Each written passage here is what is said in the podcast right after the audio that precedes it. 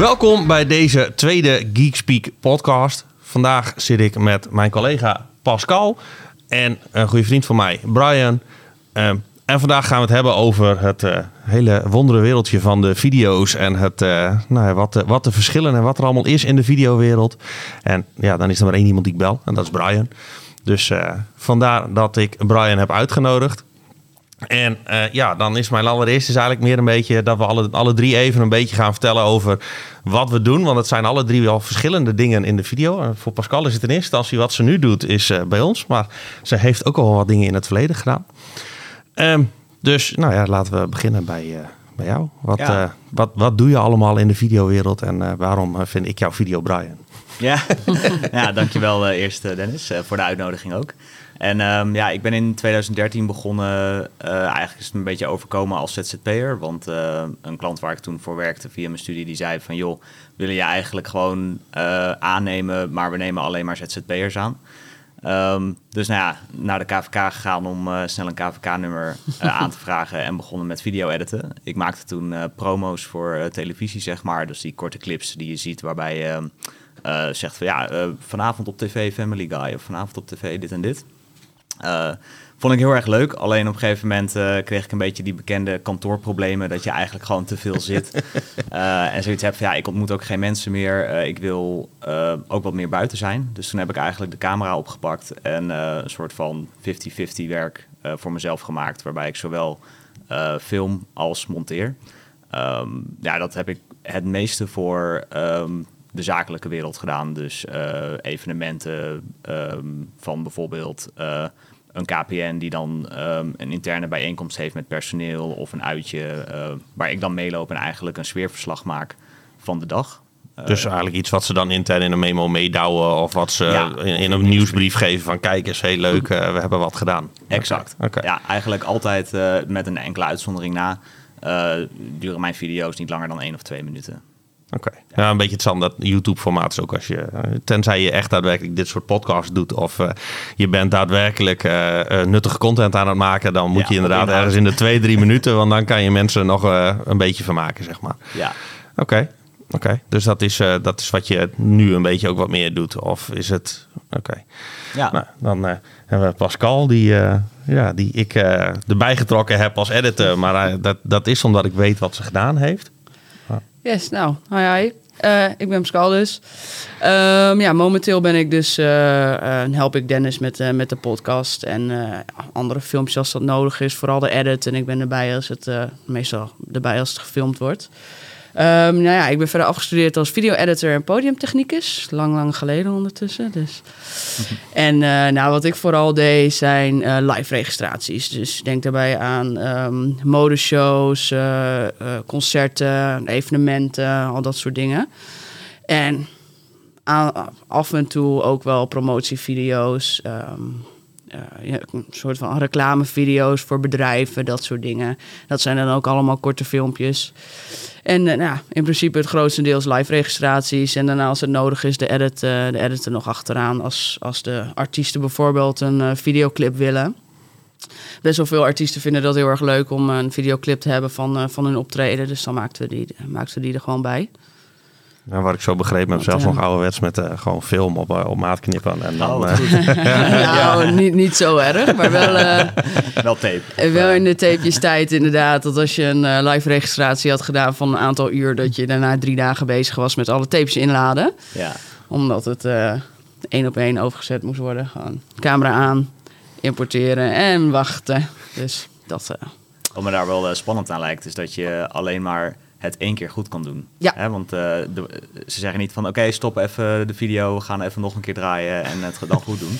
Dat lijkt me heel spannend. eh. Het was, eh, ja, het, het is, het kan heel erg fout gaan.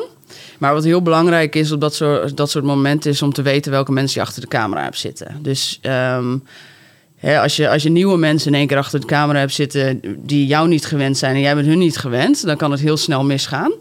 Maar als je al mensen hebt zitten die, eh, waarmee je al vaker samenwerkt, die weten ook al een beetje wat jij gaat zeggen als, eh, als, als de regie, zeg maar.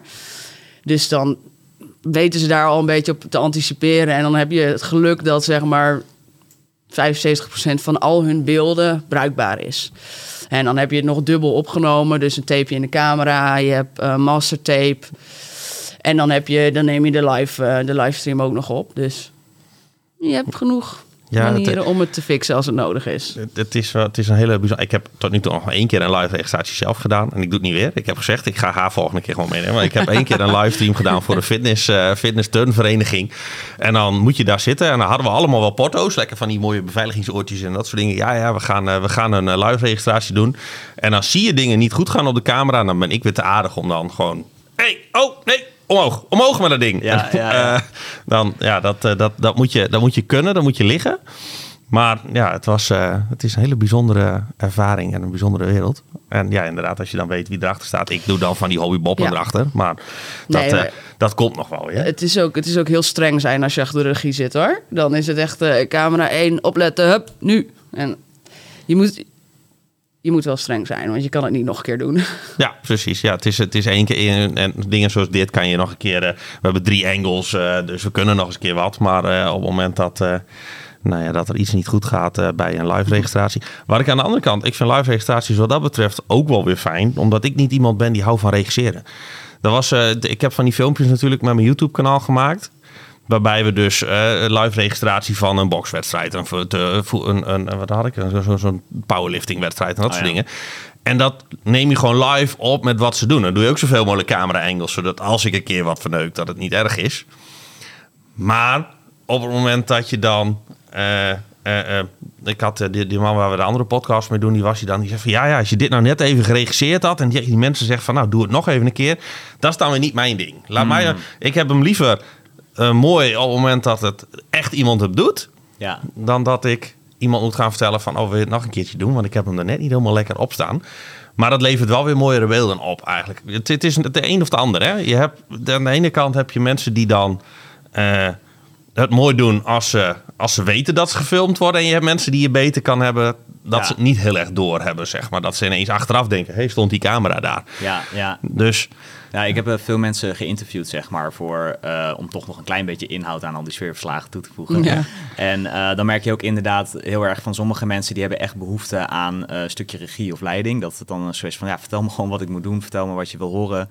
En ik, ik zet het aan en ik vertel het met sprankelende ogen, zeg maar. Ja. En andere mensen die, die klappen echt een soort van helemaal dicht en die gaan dan precies opnoemen wat je gezegd hebt. Waardoor, zeg maar, alle ja, charisma er gewoon helemaal uit is. Ja. Um, uh, dus daar dat, ja, moet je dan inderdaad echt aanvoelen van joh, um, wat voor een type heb ik voor me en ja. uh, ga ik diegene gewoon lekker op zijn of haar gemak brengen hè, met van hey, allemaal relaxed, uh, mag op jouw manier zoals je wil of met van nou, ik wil dit van je hebben en go.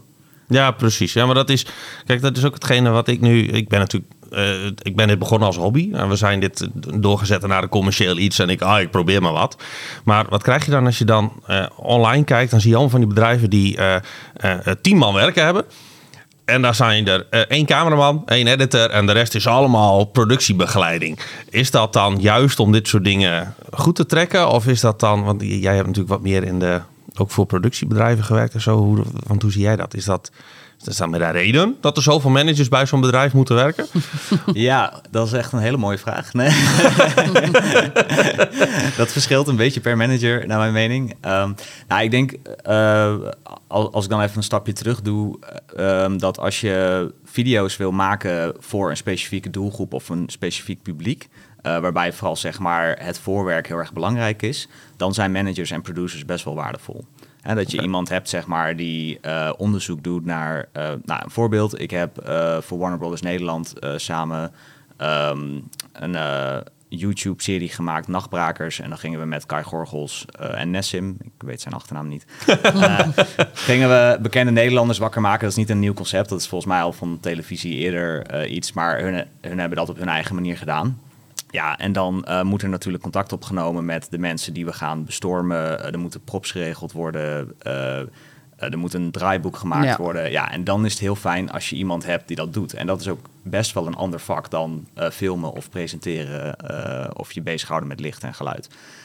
dat is heel fijn. Alleen, um, ja, het wil inderdaad ook wel gebeuren dat als je um, te veel producers of managers bij elkaar hebt, dat, dat er dan eigenlijk gewerkt wordt om mensen tevreden te houden eh, waar het eigenlijk niet om gaat. Want het gaat om het publiek en eh, op YouTube dan hoeveel views en succes je hebt. Uh, alleen dan heb je net even een manager die een slechte nacht heeft gehad en uh, dan vindt dat het zo is. Want ja, ja dat vind ik ook ingewikkeld. Van tuurlijk zijn er dingen in film en video, um, regels die objectief een video mooier maken, maar het gaat al heel snel over smaak.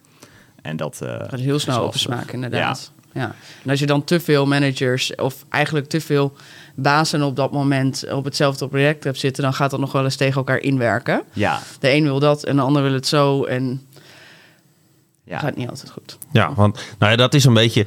Um, het, het, grappige is als je dan kijkt naar. Uh, wij hebben ook uh, nog wat plannen met ons YouTube-kanaal. Met uh, bepaalde video's met auto's en dat soort dingen. En dan is het dat je uh, heel vaak hoort van, nou ja, maar je wil het zo spontaan mogelijk. Maar wat je dan wel hebt, is juist door al die productiemanagers, het lijkt altijd heel spontaan. En als je dan kijkt naar de, de grote Top Gear en dat soort dingen bijvoorbeeld, als je dan kijkt van, oh ja, nee, ze, ze doen gewoon spontaan even een roadtrip met een auto van 1000, uh, 1000 dollar. Nee, er loopt 50 man omheen die alles van tevoren geregeld heeft.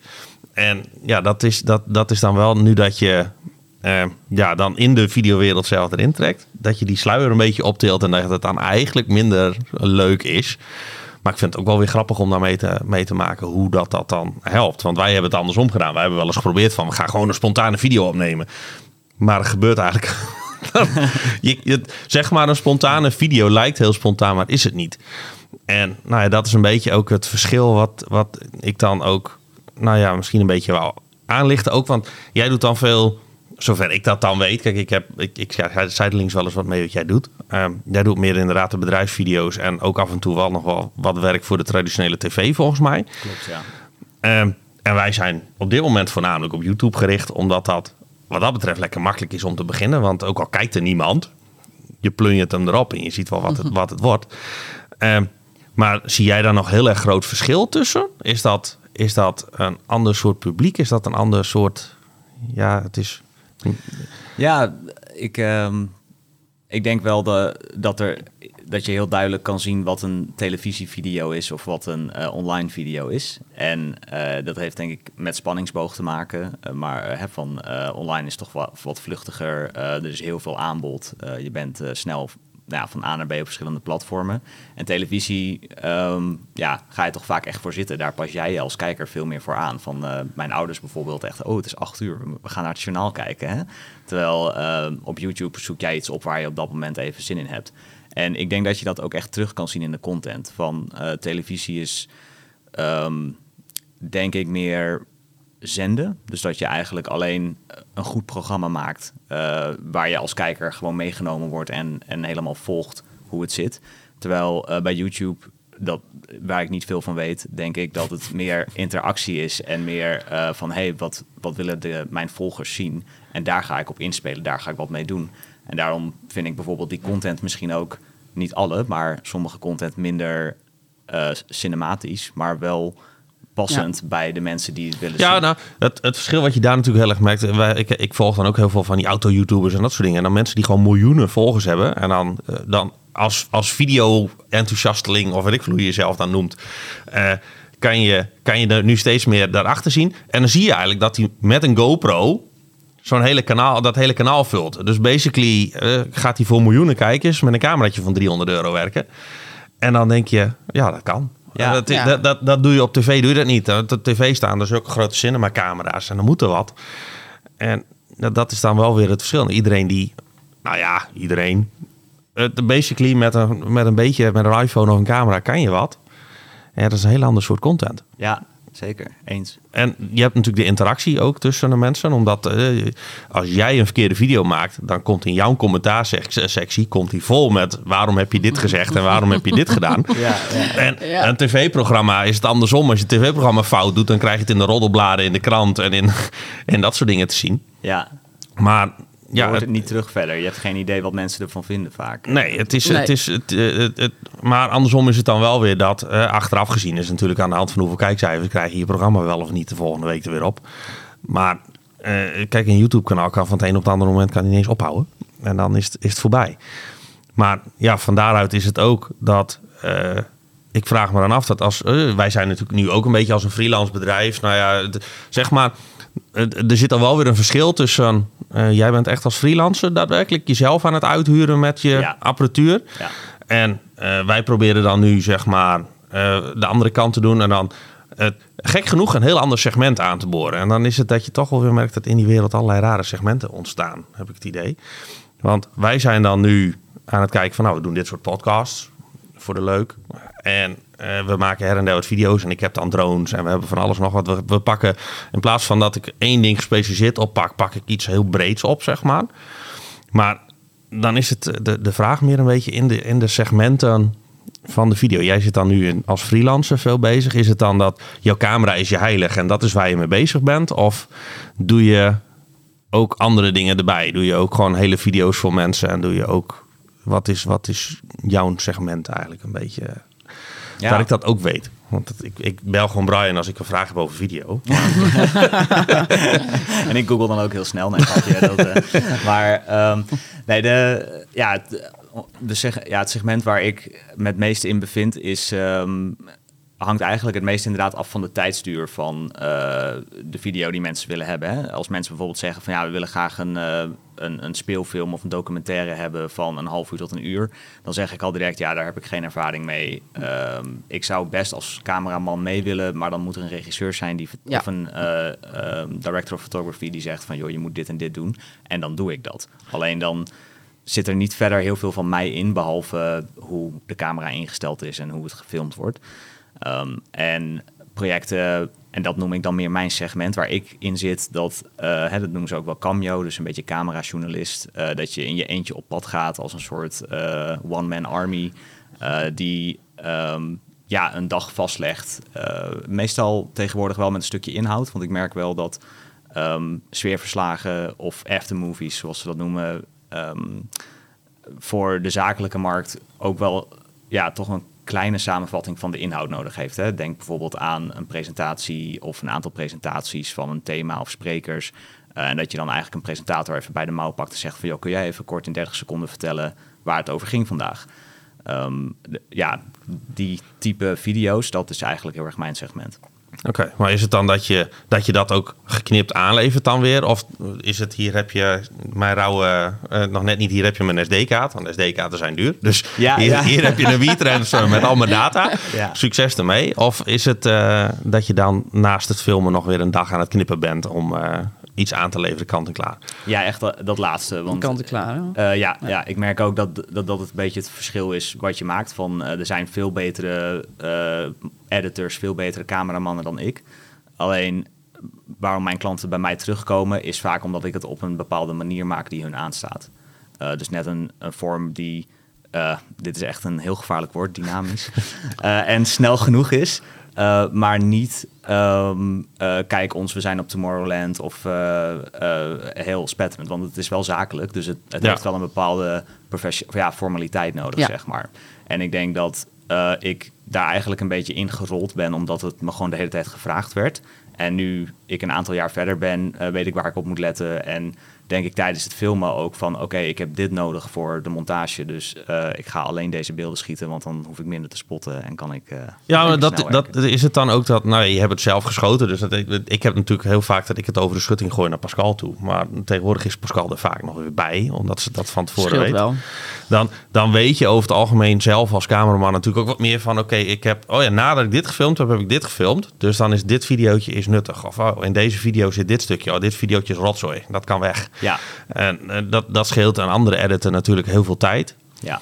Maar eh, wat ik zo van, van, van eh, Jonathan toen begrepen heb, dat is, dat is een ja, huisgenoot dan nu inmiddels, maar die, die heeft dan heel veel als mediamanager ook gewerkt en zo. Is dat bij de grotere bedrijven zijn er dan vaak weer mensen die echt al als taak, vaak de stagiaire of net een nieuwe medewerker, die dan als taak heeft om niks anders te doen dan een videootje bekijken en een, een bijschriftje erbij maken met hier gebeurt dit. Is dat, Ja. maar nou ja, dat is dan denk ik, als je nog weer wat segmenten hoger gaat, dat is echt tv-werk denk ik. Ik, of, eh, ik denk ook dat het, dat het inderdaad is als je ehm, ehm, op elk gebied het allerbeste wil hebben. Eh, want eh, als ik, niet dat ik dat doe, maar stel ik zou 40 uur per week ehm, of 20 uur per week filmen, 20 uur per week monteren. Ja, dan ben ik half zo goed als Pa- Pascal die 40 uur zou monteren.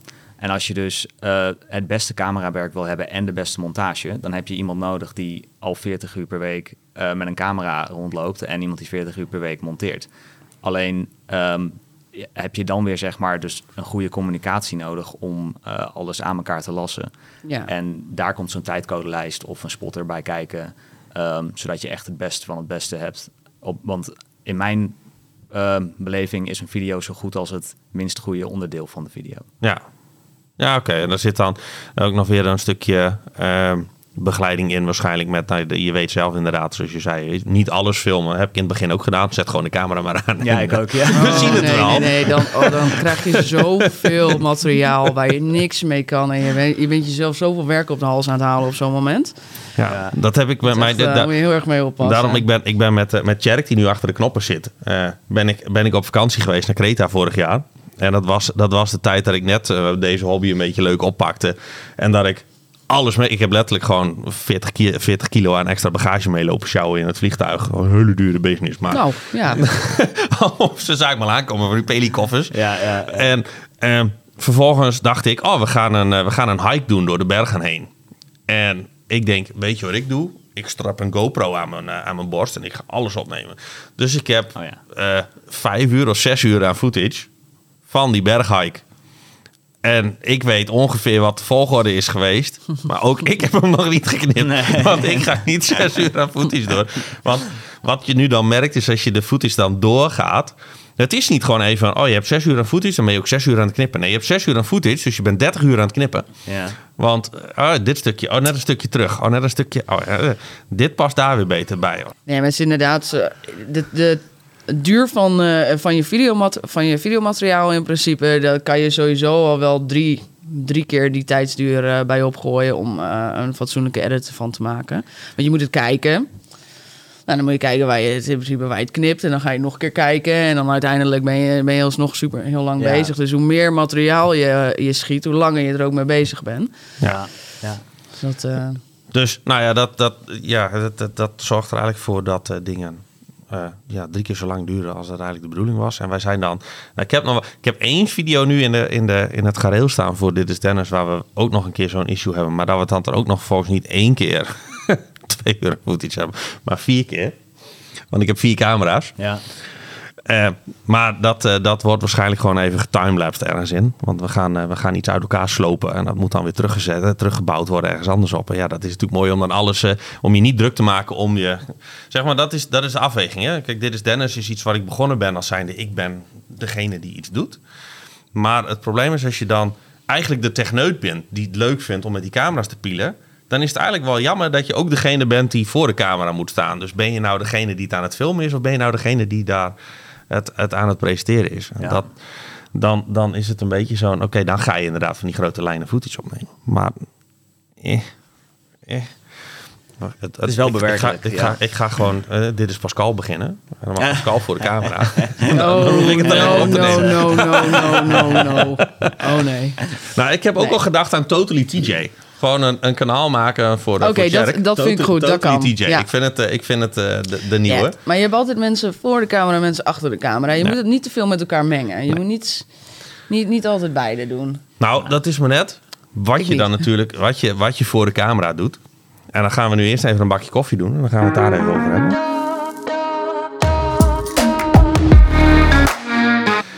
Welkom terug bij deze tweede helft. Eh, nou, we hebben in de eerste helft van deze podcast hebben we het voornamelijk gehad over het bedrijfsmatige en het productiegedeelte van eh, hoe werkt het in de video. En nu gaan we het voor ons over de leuke dingen hebben. En dit gaat waarschijnlijk heel, heel erg afgekapt moeten worden, want we gaan het hebben over spulletjes. Gear.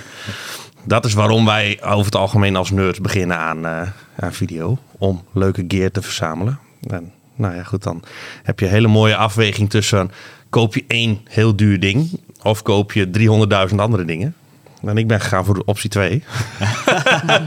Zoals we kunnen zien. eh, Ja, Ik, eh, de, de camera's en sliders. En het probleem, dat hebben we in de vorige podcast ook genoemd. Dat, eh, ja, we beginnen wel met een goedkope variant van. En uiteindelijk drie varianten verder heb je toch die dure op tafel staan. En heb je eigenlijk veel meer uitgegeven in plaats van dat je één keer iets goeds doet. ja. Maar ja, ja ik, ik heb ook wel eens jouw, jouw speeltje vast gehad. En dat is wel heel wat anders dan wat wij hebben. maar dan is het eigenlijk de, gelijk, gelijk de moeilijkste en de grootste vraag van ze allemaal. Is er daadwerkelijk een nuttig verschil tussen zo'n grote dure cinemacamera of nou ja, die goedkope mirrorless eh, SLR's die wij hebben staan? Wat is de, de nuttigste? Gelijk, doe maar, voor het blok. Wat is het, wat is, waarom zou ik zo'n 15.000 euro camera moeten kopen ten opzichte van een van 1000?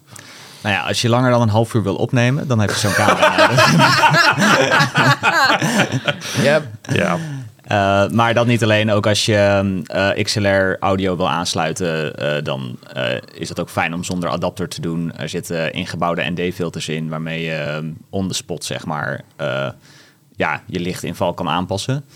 Ehm, maar ook het gewicht van het filmen vind ik heel fijn. Als je gewoon een schoudercamera hebt, ehm, waarbij je ja, stabieler kan werken, omdat je niet ehm, je camera zo vasthoudt, maar eigenlijk meer onderdeel van je lichaam wordt. Ja, maar dat kan je ook met een, met een uitgebreide rig, kan je dat eromheen bouwen. Ben je ook weer 500 euro verder.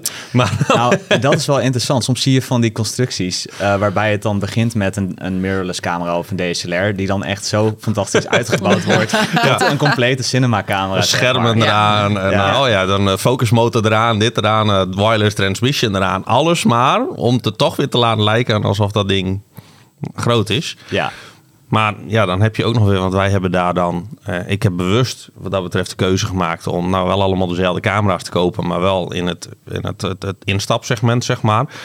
Waardoor ze allemaal gelijk zijn aan elkaar. En ehm, dan is het wel dat als ik ze allemaal bij elkaar niet, niet allemaal losse camera's had gekocht, maar bijvoorbeeld één Sony A7S of weet, weet ik veel wat, dan heb je één camera voor de prijs van vier. Maar ja, dan is het, je hoort dan altijd, ik, ik heb zoveel dingen geleerd in het laatste jaar. Dingen over dat de ISO-waardes meer zijn bij een, een grote camera. Je kan een, een hogere eh, eh, sluitertijden en dat soort dingen kan je beter mee doen. Interne ND-filters, dat soort dingen. Maar ehm, is de- men noemt het altijd, wat is het, de return of investment. Het verschil tussen 1000 euro voor dit of, of 10.000 euro voor een, een duurdere variant, is dat het nog steeds waard? Verdien je dat erop terug? Dat is dan de grote. Volgens mij grote ligt het er heel erg aan wat je ermee wil. Ja, wat je content denk ik. Ja, is. wat je content is. Kijk, als je dit doet, hè, even een podcast opnemen, dan, dan is dit zo prima. Dan, dat maakt niet uit. Je beeldkwaliteit is, is goed. Je kan de instellingen van tevoren kan je allemaal goed zetten, dus prima. Het is niet zo dat je de straat op moet en, en de situatie wat onzekerder is. Dus ik denk, ja, het ligt, het ligt er inderdaad Ja. helemaal aan wat je, wat je zelf wil. Kijk, met, met de grotere camera inderdaad, als je, als je hem op je schouder hebt staan, je kan vaak de instellingen wat makkelijker eh, kan je regelen. Je hoeft niet het schermpje te klikken en gewoon hard dit, werken. dit weer, eh, ja, Ja. ja. dit, weer- dit weer aanpassen, dit weer, dat weer aanpassen. Dus daarin maakt het, hè? tenzij je echt heel, heel graag gewoon een grote camera wil hebben. Ja, Omdat het er cool uitziet. Precies. Dan moet je dat doen, maar Ja. Nee, Nee, maar- eens. Is, het dan, is het dan ook dat. eh, want hoe lang heb je deze camera nu? Poel, ik heb eh, in eigen bezit twee jaar en daarvoor een paar jaar gehuurd. Ja, precies. Maar de- deze camera heb je technisch gezien al een jaar of vijf, zes. Dan. Ja, ja, En dan. Er is natuurlijk in de laatste tijd best wel veel veranderd in de wereld van. ja. Zijn er dan nou her en der wel wat dingen dat je toch alweer begint te kriebelen van... nou, ik moet toch maar weer wat anders. En ga je dan weer naar zo'n grote cinema? Of ga je dan... Heb je, heb je daar al ideeën over. Of heb je nu, ben ik nu wat aan het aanwakkeren wat je niet had willen hebben? nee, Nou- mijn camera is goed. Ik wil geen Ja, nieuwe. nee, nee, dat is een hele mooie vraag. En eigenlijk, ehm, eh, nou, ik, ik ben nu acht jaar videomaker slash cameraman. En ehm, ik heb nog maar twee jaar mijn eigen camera. En heel vaak als, als ik met mensen op verjaardagen of zoiets vroeg van... "Oh, wat voor werk doe je dan? Ja, ik ben cameraman. Oh, wat voor camera heb je dan? Dan moest ik heel vaak zeggen, ik heb geen camera. Ja. En dat is van, wat ben jij nou voor een idioot, weet je wel? Maar dat was zo, omdat eh, ik had het geld niet voor een eigen camera. En ik merkte dat ehm, als je camera's ging huren, dan kon je je camera de hele tijd aanpassen op de klus en op ehm, de video die je wou maken. Dus als ik bijvoorbeeld ja. hè, een festival Ja. had, dan had ik graag eh, nou ja, mijn huidige camera, eh, waarbij een geluidsman gewoon kan inprikken eh, en mee kan doen, ehm, even snel een lens wisselen, dat soort toestanden. Alleen ehm, als ik bijvoorbeeld een shoot had waarbij ik een stabilizer wou gebruiken, dan had ik liever een mirrorless camera. Want die is een stuk kleiner, ben je niet na acht uur helemaal gesloopt. Ehm, eh, en ja, die flexibiliteit vond ik gewoon heel fijn. En daarmee eh, kon ik eigenlijk altijd het beste resultaat krijgen. Dus waarom heb ik dan op een gegeven moment toch één eh, camera gekocht? Ja, dat is omdat van al die camera's vond ik mijn huidige Sony FS7 ehm, merkte ik gewoon van hey, deze gebruik ik het meest en hier voel ik me het meest comfortabel bij. En ehm, ja, dit heeft niet zozeer specifiek met filmen te maken, maar wel eigenlijk met je eigen business. Ik merkte ook dat eh, de FS7 het meeste indruk maakte op mijn klanten en dat het eigenlijk een soort verkoopkaartje voor mij werd. Dat ze mij Ja. zagen lopen en ze zeiden van, oh, oh, die man die ziet er wel heel professioneel uit. Want Ja, dat werkt heeft- natuurlijk ook heel Hij goed. heeft Ja. zo'n ja. ding op zijn schouder. Inderdaad, en niemand vraagt dan ook meer of ze een foto kunnen maken of eh, willen maken of hè, de- een foto willen van jou, want ze weten dat ehm, het een videocamera is en niet een, je bent niet de fotograaf meer, zeg maar. Dus dat waren eigenlijk de redenen waarom ik op een gegeven moment dacht van, joh, ik wil toch die FS7 hebben, want ik merk naast het filmen zelf dat het me ook gewoon eh, helpt in, eh, ja, in verkoop. Ja, de, ja, de perceptie is dan goed. Kijk, dat is hetzelfde. Ik heb dat ook gehad nu dat wij dit beginnen. En dan, ik ben verslaafd aan pelikoffers. Dus ik heb pelikoffers en pelikoffers en meer pelikoffers. Maar dan is het, als je, als je aankomt, dan kom je op een klusje waar je even voor de lol aan het helpen bent. En je komt aan met een auto vol van die koffers. Dan is het automatisch dat mensen je eh, meer vertrouwen of Ja. de, de, een, een, hoger eh, eh, dunk van hebben. Omdat je aankomt met professionele ogen. De, alles zit in schuim, alles zit zo, alles zit dit. En, en datzelfde had ik. Ik heb een, een filmpje opgenomen op de camping waar mijn zusje nu beheerder is.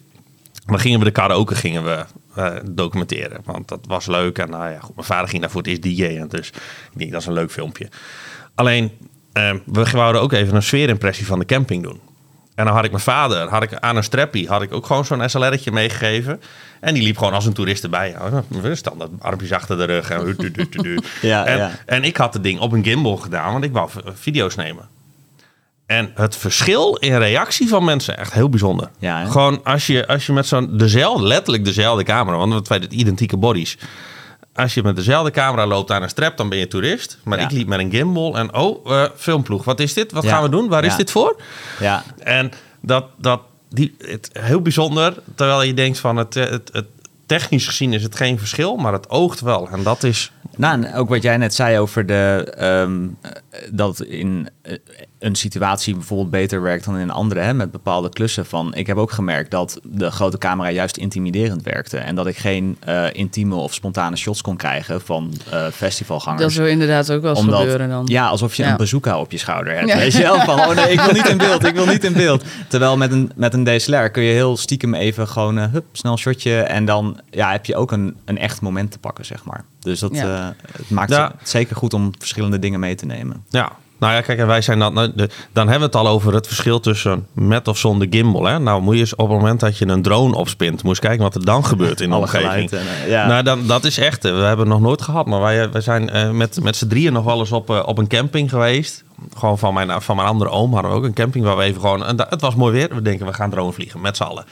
Nou, hup, drie op een rijtje, hup, drones de lucht in. Binnen no time heb je er zo drie, vier man om je heen staan. Want we doen al netjes, we hebben allemaal de papieren om te vliegen en dat soort dingen. Dus we doen netjes drone eh, vestje aan van we zijn piloot. En dan komen ze bij je. Ja, waar is dit voor? Ja, Terwijl, Ja, mensen verwachten direct dat zeg maar, hoe duurder of hoe groter of hoe intimiderend apparatuur is, Ja. eh, verwachten ze dat het op tv gaat komen of zo. Dat ze in één keer op het nieuws zijn of in één keer in, in een of ander programma. Alleen maar omdat het apparatuur groter of duurder is. ja. ja, Dus iedereen heeft ineens zo, oh shit, ik wil niet op tv. ja. Nou ja, en andersom, eh, wij, hebben ook eh, sinds onze eerste, wat Jerk en ik zeg maar, een dagje gingen filmen op een, eh, op een klusje. Hadden we, we liepen in onze, nou ja, kijk, racing shirtjes. Want dan heb ik wel iets van crew op je rug. Dat, dat vind ik toch altijd nog wel net even iets dat je duidelijk anders bent dan de rest van de mensen die er rondlopen. Zodat ze ook weten dat ze jou in de gaten moeten houden, zeg maar. Ja. Ehm, dan loop je daar en dan krijg je, we hadden ehm, een, ook een box examen van jonge, jonge jongetjes. die, die dan allemaal aan het afstuderen waren. Of weet ik Oh, ja. En dan krijg je, wij liepen met onze keishirtjes en dan ging iedereen ook van, ja, waar kunnen we dit zien? Waar kunnen we dit zien? Ja. Dus wij zijn daar juist andersom tegen de, eh, tegen de draad ingegaan. Wij hebben nu eh, nieuwe jassen en nieuwe shirtjes, waarop achterop een heel groot zo'n QR-code staat. Met, eh, wilt u dit filmpje zien? Scan mij. Oh, en dan goed. heb je gewoon Ja. ons YouTube-kanaal zeg maar eraan gekoppeld. En dan kunnen mensen dus die filmpjes terugzien. En eh, eh, zo hebben we dat ook met, dat heeft ons tot nu toe, nou we hebben niet heel veel abonnees, maar dat heeft ons bij de bij onze vuurwerkshow heeft dat de meeste abonnees opgeleverd. Want iedereen die ging, oh, waar kunnen we dit zien? Ja, doe maar. Ja. Nou, dan hebben we 50, 60 abonnees te pakken. Nou, is toch wel weer leuk voor zo'n dagje. Ja, heel slim. eh, Ja. ja. Maar ook daar, er was ook van. De, wij waren op dat evenement en het was scheidweer. Maar wij dachten, oké, we, gaan, we gaan drone vliegen. Hoe dan ook, we gaan drone vliegen. En dan ook wel weer grappig om over de porto's van de beveiliging dan te horen. Ja, er gaan nu twee drones de lucht in, maar die horen erbij. Ik denk, nou, er is niks hier aangevraagd, maar ze horen erbij. Maar eh, eh, ja, dat is dan wel weer eh, wat de, de juiste gear, dat hoeft niet eens de juiste keer, op de juiste manier met je gear omgaan, Ja. ook wel weer aan interesse geeft bij de klanten. Maar, want ik wist niet eens dat je een FS7 had. Die zie ik de laatste tijd zie ik die best wel vaak voorbij komen. Tegenwoordig wordt die nog steeds gebruikt. Dat is wel mooi. Dat veel van die gear dan nog wel gewoon over de jaren heen meetranslate, zeg maar. Ja, zeker. Nee, helemaal nu eh, ja, 4K al gewoon heel lang de standaard is. eh, kun je best lang doen met een camera. Ja, alleen nou ja, de, de, wat je dan wel merkt is het verschil tussen zo'n zo'n SLR of een mirrorless eh, camera. Die kunnen nog niet zo heel lang 4K of 8K eh, langdurig filmen. Ja. Want ik, eh, ik, ik doe alles op 1080p, want dat vind ik prima. Maar als je kijkt naar ehm, eh, Sony en Canon. Sony heeft daar nu het wel goed onder de knie met die A7-serie volgens mij. Maar eh, Canon die heeft nog steeds issue. Die heb je de laatste Canon gezien? De Canon 5C? Nee. Holy shit, daar zit gewoon een koeling in. Oh ja? Ja, en dat ding, dat ding redt, eh, redt, redt 10 of 15 minuten op een accu als jij eh 4K wil gaan doen. Je kan, je kan 8K doen, maar als je 8K RAW wil, dan wil die niet eens op accu schieten. Dan moet je daadwerkelijk, Oh, dan zegt hij, dan moet er een, een, extra adapter aan of je doet er een powerbank aan of wat dan ook. Maar Dat is wel heftig, ja. ja, maar dat ding is ook een keer zo dik geworden en er zit dan letterlijk gewoon een hele cool fin in. En dat blijkt dus dat dat is om de fan. Ja. Want de, de, de Canon R5 of zo was dat, die oververhitte. Als je te veel video deed, dan moest je gewoon 10 minuten dat ding af laten koelen. Of eh, eh, ze hebben ook de, de in-body stabilization eruit gehaald. Want dat deed een hele rare wobbel in je beeld creëren. Ja, ja. Dus je merkt vooral in die wereld wel heel veel vernieuwing. Maar wat dat betreft, ja, je hebt natuurlijk in die grote cinema-camera's... voor de YouTube-wereld is natuurlijk Red en, en, en dat soort dingen heel erg een beetje in. Maar voor de, dat, dat die Sony nog steeds de FS7... Ik dacht dat dat een nieuw iets was, maar blijkbaar heb ik hem al een keer in de handen gehad. Ja. nee, je hebt nu ook al de opvolgers, de FX6 en eh, de F9 of de FX9. Dus je, je kan het wel doorgaan. Maar ja, ik persoonlijk geloof meer in het investeren van lenzen. Omdat je dan ehm, ja, meer verschillende shots kan maken. ehm, eh, dan dat je weer een nieuwe body neemt. Hè, waarbij, eh, nou helemaal als we bijvoorbeeld ook weer hebben over ehm, online en YouTube. Ehm, door het uploaden en de conversie van eh, het online zetten, verlies je ook gewoon heel veel beeldkwaliteit. Ehm, Ja, je raakt heel ja, veel kwijt. Inderdaad. Dus Dus- ehm, Ja, het, het bijzondere is, ik doe standaard mijn, eh, mijn video's doe ik exporteren op 4K. Terwijl ik ze in 1000, het is een 1080 tijdlijn. Ik exporteer hem in 4K. Dan ram je hem YouTube in. En dan is hij, dan is hij goed. oh ja, precies. Ja, dan Dus heb je een mooie kwaliteit. Je, je doet upschalen, upschalen omdat zij hem toch gaan downschalen, zeg maar. Ja. Dat, dat, dat- maar dat is ook weer op tip van een YouTuber die dat zei. Van, oh, goed. ik doe al mijn tijdlijnen allemaal op 4K. Oké, nou ja, dat houdt wel in dat als we een, eh, een, eh, een podcast van een uur eh, exporteren op 4K. Nou, hoop data. Dat, ik, ben, ik ben 12 gig aan het uploaden hier vandaan voor een, voor een podcast. Ja, Maar dat houdt dus in dat op die manier hij wel goed blijft. ja, ja. Maar dan is het wel dat je, dat je YouTube eh, vervolgens een dag aan het rammelen is. Voordat hij hem gedownscaled heeft. Ja, Voordat hij dus in HD beschikbaar is op YouTube, zeg maar. ja, ja. Maar ja, goed, dat, eh, eh, dat zijn de dingen die erbij horen. Maar jij hebt voornamelijk dus een camera, maar heb je ook lampen en dat soort dingen? Of heb je echt, jij bent echt cameraman? Je hebt een tas met een camera en go. Ja, het eh, eh, wel veel meer bescheiden dan hier bij jullie, maar het is ook langzaam in de loop van de jaren een beetje uit de hand gelopen. Ja, maar het, het, het- ik denk dat ik alles bij elkaar misschien net zoveel geld uitgeef. Maar wat jij hebt gedaan, gedaan alleen heb ik gewoon allemaal Jij hebt losse veel meer spullen. Ik ja. heb veel meer losse dingen ja, gedaan. Ja, wat heel, eh, ook heel cool is. Ja. Eh, ik heb twee eh, ledlampen, zeg maar, die gewoon ehm, ja, kleur en intensiteit eh, aanpassen voor vooral interview settings. Hè, dat je een beetje eh, ehm, ja, een, een lamp achter hebt, zodat iemand van de muur afkomt of wat diepte geeft. En natuurlijk eentje vol op zijn of haar gezicht. En eh, ik heb een sendersetje voor de interview of cameo on the go toestanden. En ik heb sinds vorig jaar een tweede camera, ook een mirrorless, de Sony A6600. Oké. Voor op mijn eh, Ronin S. Dus gewoon een, eh, praktische stabilizer, zeg maar. Eh, vooral als ik uh, loopshotjes wil maken. Want heel veel mensen willen graag toch wandelen terwijl ze dingen aan het uitleggen zijn of presenteren zijn. Ja, met de FS7, als je een lange dag hebt gehad, dan gaat het schudden en is dat gewoon niet heel mooi.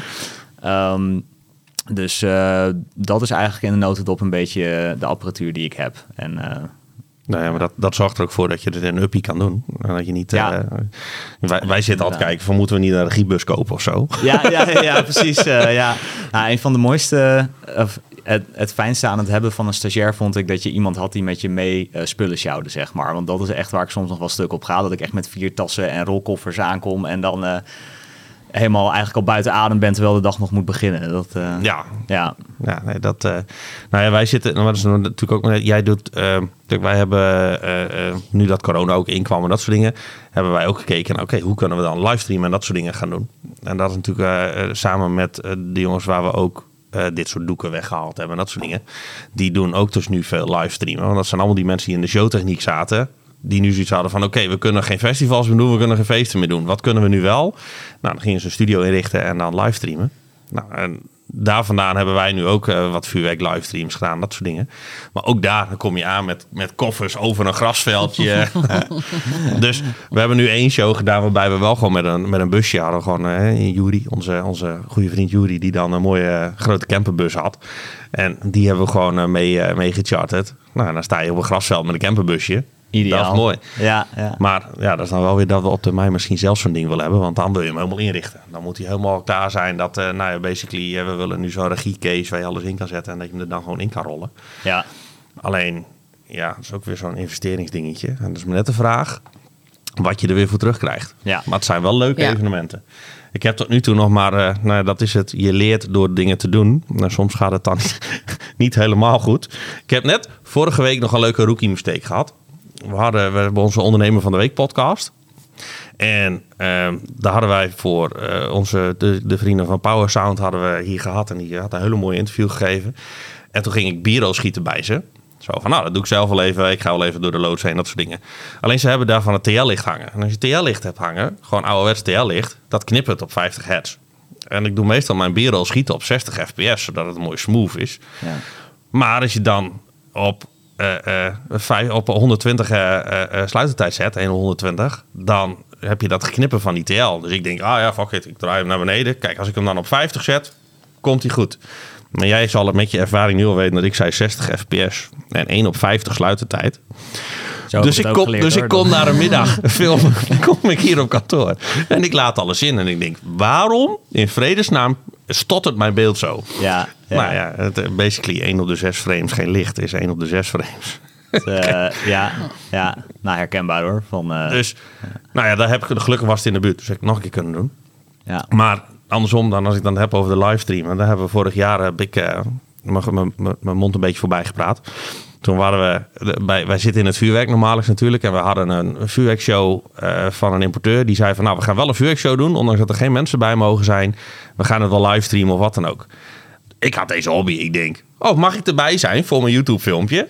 En ik maakte al het geintje hier altijd van, ah, let op hoor, dan komen wij aan met meer apparatuur dan het bedrijf die ingehuurd voor de livestream. Dus wij komen aan, Tjerk en ik, met uh, drie, vier per maand zo. En, en je ziet daar een tafeltje staan met een, uh, met een, een, een, een Action driepootje met een telefoon erop. Gewoon een Samsung telefoon. en die ging de livestream doen. Dus ik heb ze staan uitlachen. En wij hebben uh, met drones en alles waren we in de lucht. En we waren aan het filmen. We hebben een leuk filmpje gemaakt. Aftermovietje dingetje van gemaakt. Maar de volgende dag zouden ze nog een livestream doen voor hun grotere label, zeg maar. Dus ik met mijn grote mond zo van... Ah jongen, dat livestreamen, dat is niet zo moeilijk? Dat kunnen wij wel. Dus ik weer, Jury geregeld met zijn busje. Uh, dat zingen. Ik moest s'avonds moest ik naar Zandvoort. Want ik had uh, kaartjes voor de Formule 1. Dus het was allemaal al moeilijk. En de hele dag van alles nog wat geprobeerd. Alles getest. En hoe doe je een livestream naar, naar Facebook? Met de keys en met de dingen en met de, van alles. En we hadden zelfs uh, uh, voordingetjes. Dat je zo'n labeltje ervoor had met uh, de stream begint zo. En een moment geduld voor als er wat misging. En aan het einde van, nou kijk nu op onze... Alles dacht ik goed geregeld. Prima, niks aan de hand. Ik had zelfs geregeld dat we de huisaudio, de, de, de, het paneel in konden trekken. Dat we alles... Ja. En de dag zelf, uiteraard, ik ben eentje die soms wel eens wat te laat aankomt. Dus we kwamen ongeveer een half uur voor show aan. En toen gingen we als we mallen alles neerzetten. XLR-kabels trekken voor je audio, dat soort dingen. Dus wij de livestream, vijf minuten voor tijd, netjes omhoog. Maar ik had de huisaudio gepakt. En zij hadden, eh, weet ik veel, Year of Summer en dat soort eh meuken aanstaan. Gewoon popmuziek. Ja, prima. Livestream aan, niks aan de hand. Ik had een 4G-modem meegepakt. Let op, 4G-modem meegepakt voor de livestream. Die lag op het dak van de bus. Ja. Met een random simkaart die ik hier nog had van onze Wasseretters-project. En dat ging goed. En nou, nou, prima. We waren 10 minuten aan het vuurwerk schieten. En toen kregen wij, kwam de klant binnen. Ja, eh, eh, de, de livestream is offline. En hij zat op afstand mee te kijken. De livestream doet het gewoon. Maar er konden geen nieuwe gasten meer connecten. Hè? Oké. Dus wij kijken. Stond er een auteursrechtenclaim voor Warner Brothers. Omdat wij die, die begin van de, van de livestream hadden we dat huisaudio meegepakt. Ja. En dat was geen rechtenvrije muziek. Oh nee. Dus werd de livestream de lucht uitgetrokken. Vooral bij Facebook. Kijk, bij Twitch en zo hebben ze daar niet zo'n probleem mee. Maar zodra je live Facebook doet, ging dat helemaal mis. Ja, ja. Dus wij de hele show stilgelegd. Stream opnieuw opstarten. Iedereen zat weer te kijken. Duizenden mensen die mee zitten te kijken. Jeetje. En vervolgens, eh, wij druk bezig. Letterlijk twee potjes voor de grand finale. Dus eigenlijk gewoon tien minuten voor het einde van de show. Klapt weer de, de hele zooi eruit. Maar toen klapte die eruit, omdat we ineens geen internet meer hadden. Ach. Want ik deed op een 3G of eh, ja, 3G, 4G verbinding. En blijkbaar zat daar een simkaart in waar nog maar 3 gig aan data op zat. Of T-Mobile die zei van nou, eh, dit, dit gaat wel heel hard, dat mag niet meer. High usage. eh. Ja, dus zo'n zo, zo'n issue, issue, issue. Eh, nou, toen kon ik niet. Toen heb ik, te- ik heb het nog geprobeerd. Kreeg de show niet stil. Dus nou ja, het was ja een ruk. En dat Ja. is echt gewoon. Ik, het, het- kijk, aan de ene kant was het. Ik had het, ik had het ook aangegeven zo van. Nou, dit is iets nieuws. Ik doe het. we zien het wel. En ik had ze erin geluld zo van. We doen het maar. Maar dan voelde ik me nog steeds knap. Zo van. Ja, ruk. Da- ze hadden het gelukkig zelf ook opgenomen. Dus ze hebben de na-tijd hebben ze het gewoon alsnog online gegooid. Maar terwijl dat ik dacht van... Shit. Ja. Dus, maar daar leer je wel weer van. Want zo- het Zeker. is, ja, het is heel lullig. Maar ja, je moet leren van je fouten. Hè? Ja. Er zijn Ja. heel veel dingen die, eh, die je als je net begint niet kan, eigenlijk niet kan voorspellen. Of niet weet te voorspellen. Zeg maar iemand die er al heel lang in zit, die heeft zoiets van... Ja, dat had je kunnen weten. Hè? maar ja, de, dat zijn Ja. allemaal leermomenten. Dus, maar dat Ja. houdt in dat we tegenwoordig, als we naar een, eh, een livestream iets toe gaan, dan nemen we haspels en haspels vol met Cat 5 kabel mee. Ja. Maakt me niet uit waar ik een netwerkverbinding weg moet trekken. Ik trek er een netwerkverbinding weg. en eh, eh, vervolgens eh, hebben we ook eventueel een backup verbinding, wel weer via de 4G. Maar andersom, die, waar ik het over had eerder, die, die livestream voor dat turn-on. Daar, daar kwamen ze ook, want ze gingen ook van ja, we hebben zaalmuziek en dit en dat. Had ik ze van tevoren gezegd van, doe of geen zaalmuziek, of, want anders worden we eruit gegooid. En toen gingen ze een week voor tijd, nou, niet eens ik een week voor tijd pas de opdracht, maar toen gingen ze twee, drie dagen voor tijd. Ja, dan kunnen we niet zonder geluid uitzenden, want we willen wel wat achtergrondmuziek zijn. Nou, dat doen we ook niet. Toen ben ik, eh, ik heb natuurlijk het gelivestream via mijn Dit is Dennis. Toen ben ik op Epidemic Sound ingelogd, waar ik eh, een abonnement voor heb voor Dit is Dennis. Heb ik een uur aan mp3'tjes gedownload, een beetje in de lijn van wat zou wel leuk zijn voor bij turnen. Dat heb ik op een USB-stick aangeleverd. Ik heb gezegd, als je dit op achtergrond aanzet, niks aan de hand. Ja. Nou ja, op die manier kom je iedere keer weer een slagje verder. Maar dan eh, langzaamaan kom je op een hele checklist terecht. Voordat je zo'n klus begint met wat moet je, wat moet je, wat moet je. Ja, ja. Voordat je... Maar goed, dat, eh, dat zal niet... Dat allemaal loopt, zeg maar. Ja, Ja, maar dat ja. zal voor jou niet onbekend zijn, dat soort dingen. Jij hebt Nou, waarschijnlijk ook briefings voor tijd en verzin het allemaal maar. Ja, klopt hoor. En ehm, eh, nou, een anekdote van mijn kant is dat ik eh, een keer een combinatie ehm, gast van een bruiloft was en ook bruiloftsvideograaf. nou, dat is echt een Oh, combo, dat moet je niet gaan doen. Nee, nee. Eh, je moet dan of zeggen, ik eh, ben niet de gast, maar ik ga eh, wel jullie video regelen. Of ik kom niet filmen, eh, zoek iemand anders, want ik wil gewoon lekker een biertje drinken en meegenieten van de dag. Ja. Want wat er gebeurd was, is dat ik dus ehm, ja, halverwege de dag even mijn kaartjes leeg moest halen en het op een laptop had gezet. Ehm, en daarna lekker aan het drinken ging, zeg maar. En ik de volgende dag wakker werd en ik dacht... Hè? Ik had toch dat materiaal op de laptop gezet en daar stond eh, het ja-woord op en allemaal echt super belangrijke emotionele momenten van die vriend van mij. Eh, nou, lang verhaal kort, ik heb gewoon niet eh, het materiaal weer teruggevonden, zeg maar. Oh. Ja, dat is echt super pijnlijk. En daar heb ik dan ook geleerd van ja, als je iets voor vrienden of familie wilt doen, eh, zeg dan ook echt van ik, ik ga nu mijn mijn werkhoed opzetten. En Mhm. ehm, Ja. je moet me echt niet storen, want anders gaat het gewoon niet goed. Nee, en zorgen dat alles, dat alles afgevinkt is voordat Ja, je ermee stopt. voordat erbij. je zegt van nu ben ik klaar met mijn werk. Ja, Nu ga je weer denken. Ja, Dat is precies. echt- oh, dat is zo zonde. Ja. ja. Ja, en we dat, vooral ook, nou ja, het is ook zonde dat je dan aan de ene kant die tijd er wel ingestapt en aan de andere kant er niks En je verliest ook twee keer. Ja. Want eh, je hebt geen leuke bruiloft, zeg maar, achteraf. En eh, Nee. je hebt niks aangeleverd, nee, weet ja, je. Dus eh, ja. Ja, dan kan je wat dat betreft beter gewoon soms nee zeggen. En eh, Ja. prima, ik, ik, ik, ik heb of een leuke dag voor dit, of je hebt een mooie video aan het eind. Ja. Maar het, eh, ja, oké.